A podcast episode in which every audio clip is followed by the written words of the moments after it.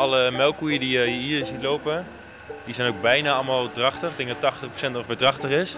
Dit is Niels van Vilsteren. Nou, in principe kunnen ze dan gewoon nog melk door blijven geven. Hij helpt thuis mee op het melkveebedrijf van zijn vader.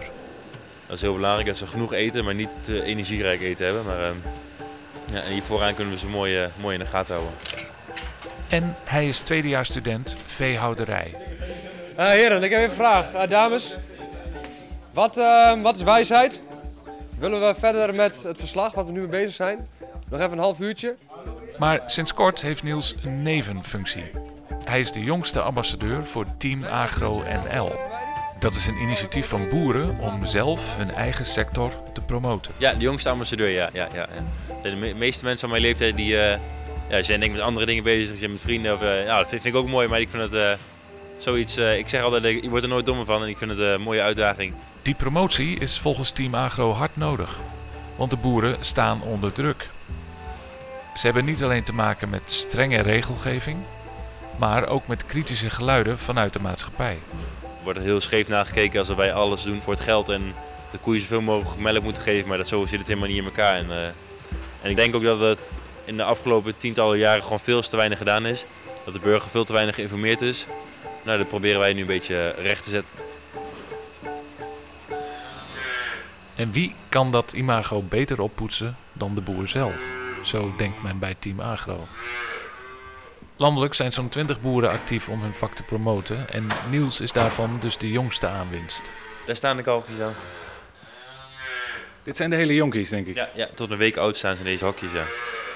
Die, eh, die zijn eh, vrij klein. En dat is dan om het gevoel van de baarmoeder een beetje na te bootsen. En die kleine hokjes kunnen we heel goed schoonhouden. Ja, en op zo'n manier eh, proberen we te zorgen dat ze zo goed mogelijk door deze periode heen komen. De eerste paar dagen zijn ze het meest gevoelig, hebben ze nog geen weerstand. En eh, daarom eh, kunnen we ze hier heel schoon houden. En nou, met die emmers kunnen we controleren dan of, zij dan, of ze melk op gehad hebben.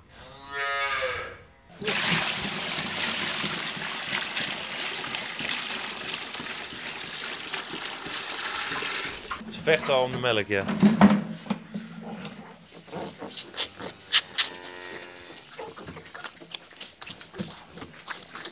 En dat is vrij makkelijk voor ons met één zo'n bak. Want het zijn eh kuddedieren, dus dan eh, doen ze elkaar allemaal na. Als er één nieuw kalf bij komt en die denkt van wat doet de rest hij dan, die gaat het gewoon nadoen. Meestal eh pakken ze het uit zichzelf op omdat ze de rest zien doen. Dus eh kalven krijgen bij ons ook eh, echte koemelk. Ik zie het, ja. Dit is geen poedermelk. Ja, nee, het is geen poedermelk. Eerst deden we dat wel altijd, alleen wij zijn nu biologisch. En als je biologisch bent, dan is de eh, poedermelk nog zelfs nog duurder dan de normale melk. En eh naar onze mening is, is dit wat beter voor het kalf ook. Want eh, wat voor bedrijf hebben jullie... Ja, heeft je vader eigenlijk nu nog. Misschien ga je het ooit overnemen. Maar wat voor bedrijf is het? Ja, ik ben inderdaad van plan het te gaan overnemen. We hebben nu nog een melkveebedrijf met eh, 120 koeien ongeveer. Iets meer dan 100 hectare land. En eh, wij eh, produceren biologische melk. En ik ben vrij geïnteresseerd in de akkerbouw. En dat misschien aan het kijken zijn of we toch iets met de akkerbouw ook ernaast erbij kunnen doen. Dus, eh, En waar komt bij jou die interesse vandaan om toch ook een beetje een blik richting akkerbouw te hebben? Ja, dat weet ik eigenlijk niet eens. Het is net toevallig, want mijn opa had het ook, die was, die was ook veeboer dan, maar schijnt ook heel veel interesse gehad te hebben in, in de akkerbouw en, en minder in de koeien. Maar, dan heb ik een beetje hetzelfde. En mijn vader heeft juist heel veel interesse in de koeien. Ja, dat is toch misschien waar je voor in de wieg gelegd bent. Want je opa zat hier ook. Ja, ja, mijn opa en mijn vaders opa ook nog, ja. Ja, is echt een eh, echt familiebedrijf, ja. Dit zijn tweedejaars studenten van de veehouderijopleiding. Ehm, een heel aantal, ik denk dat 70, 80 procent thuis een eigen bedrijf heeft. Cor Land is docent in deeltijd voor de opleiding veehouderij in Raalte. Daarnaast heeft hij thuis ook een eigen bedrijf, samen met zijn vader. Zijn studenten werken aan een project waarin ze hun ideale stal moeten ontwerpen. Wat zijn ongeveer de kosten dan waar je aan moet denken voor een eh mestkilo van 100 120 koeien? Kun je opzoeken. Ehm, er staan wel gegevens voor, gewoon gemiddeld basisgegevens van wat de kosten daarvan zijn. En vanuit die kun je eh, een keuze maken van eh, waar je dan voor kiest. Maar het, het hoofdzakelijke gedeelte is, is, een, is een financiële kwestie. Oké, oké, ja. Behalve vakinhoudelijke kennis wil Cor dat zijn studenten zich ook bewust worden van de maatschappelijke context waarin ze hun vak gaan uitoefenen. Wat ik wel belangrijk vind is dat studenten zeg maar, eh, ook leren van hoe met een, goed met een koe om te gaan. Zeg maar. Tegenwoordig uh, het dierwelzijn staat heel hoog in het, uh, op de agenda, zeg maar, ook, ook maatschappelijk. Zodat ze ook ehm, richting de maatschappij een stal kunnen gaan neerzetten die aan de maatschappelijke verwachting voldoet als het ware. Zeg maar. Dus ook een heel stukje koecomfort, boercomfort ook, looplijnen. Hoe kun je efficiënt werken met, ja, met zo weinig mogelijk arbeid, eigenlijk zoveel mogelijk koeien houden. Goed woord, koecomfort. Ja, mooi hè? Ja, ja, ja, ja. ja. ja koekomfort en boercomfort hebben we eigenlijk. Dat, uh, ja, de koeien, koeienmelk is, is topsport. Dus uh, ja, hoe beter je voor die koe zorgt, hoe meer je er eigenlijk voor terugkrijgt. En dat is eigenlijk de bedoeling. Maar is het druk voor jou naast je school? Nou, mijn vader is er vrij makkelijk in. Hij zegt als je tijd over hebt, dan uh, kom je helpen. En anders school gaat altijd voor, zegt hij altijd. Dus dan dat we met vrienden en zo was het ook altijd zo van eerst met vrienden afspreken en dan pas het moest nooit. Alleen als je tijd over had, dan mocht je helpen. Zo zit het een beetje in elkaar. U bent de vader van? Ja. Van ja, drie kinderen, onder andere Niels. Van de jongste ambassadeur van Agro Nederland? Ja, klopt helemaal. Bent u trots dat hij dat is gaan doen? Ja, op zich wel. Dat je je nek durft uit te steken op die leeftijd. Uh, dat je toch de agrarische sector wil promoten. Ik denk een goede zaak, maar het is ook een leerzaam proces voor hem hij loopt nou tegen dingen aan, uh, interviews en al soort dingen. En uh, nou, word je nooit dommer van. En ik denk het belangrijk voor de sector dat je je laat zien. En ik denk als een jonge gast dat doet, dat het ook weer een andere generatie aanspreekt. Maar wat houdt zo'n ambassadeurschap precies in? Niels krijgt van Team Agro geen strakke taakomschrijving. Hij mag zelf de momenten en gelegenheden kiezen om zijn passie te promoten. Bijvoorbeeld tijdens wat in Huizen van Vilsteren de koeiendans wordt genoemd moment na de winter waarop het vee voor het eerst weer de stal uit mag. Dan gaan de koeien naar buiten en dan uh, nodigen we de mensen uit. Kom kijken, we gaan nu gewoon laten zien hoe het echt in elkaar zit. En uh, nou ja, op een gegeven moment is het steeds meer gegroeid. En voor mij nu na het zesde of zevende jaar doen we het nu. Langzaam komen er uh, elke keer weer meer dan duizend man. Dus, Duizend man die naar dartelende koeien komen kijken. Zoiets is voor Team Agro NL een uitgelezen promotiemoment voor de sector nou ja, misschien zou je dat nog iets groter aan kunnen pakken. Of mensen toch iets duidelijker kunnen maken hoe, het, hoe iets, uh, waarom wij dingen doen. Bijvoorbeeld kalveren. Dan heb je vaak mensen komen naar binnen en die zien dan die kalfjes in die hokjes zitten. En denken van, oh wat zieliger, die moet gewoon bij de moeder. Maar 9 van de 10 mensen die, uh, die dat vertelt, die, dat zijn dan volgens van, oh oké, oh ja, nou, als je zo inderdaad zegt, dan klopt het inderdaad wel dat het uh, beter is om het kalf bij de, bij de moeder weg te halen. En, en met zulke soort dingen zou je, zouden wij dat bijvoorbeeld hier beter kunnen aanpakken inderdaad. Om, om, uh, om de, de burger nog iets meer te informeren. Beeldvorming rond de boerderij. De boer heeft het er maar druk mee.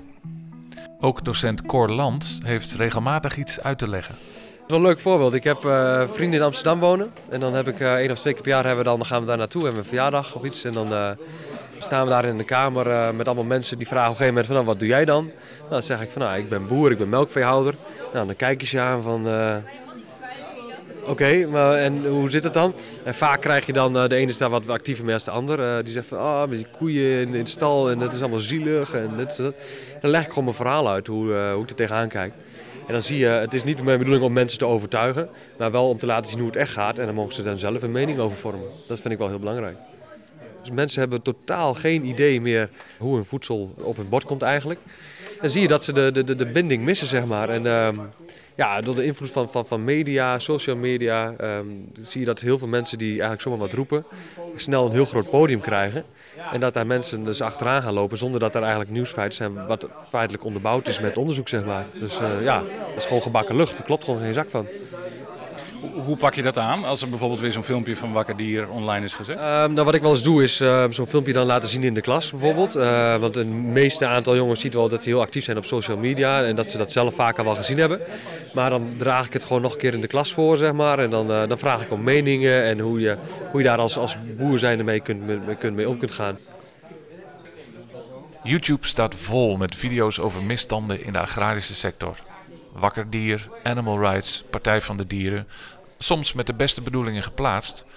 Maar als ik met Niels en een paar van zijn klasgenoten daarover praat, valt op hoeveel impact die filmpjes op hun hebben. Ze zijn er allemaal mee bezig en voelen zich stuk voor stuk persoonlijk geraakt. Kijk, ik zal maar even aanklikken. Hier, denk ik, ja. Van Animal Rights was dat. Ik werkte undercover op twee boerderijen in het hart van de varkensindustrie in Noord-Brabant en Gelderland. Op deze boerderijen werden vleesvarkens gefokt voor de slacht.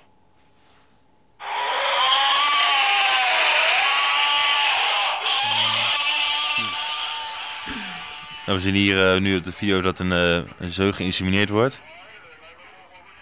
En uh, ja, het gaat wel vrij ruig aan toe. Zoals net zie je, dat hangt die poot eroverheen en doet hij dat hekje omhoog. Van, dat vind ik zelf ook niet normaal. Maar bij hoeveel varkenshouderij zou dit nou gebeuren in Nederland? Ik, ik denk echt gewoon vrij weinig. Maar in elk vak heb je rotte appels zitten.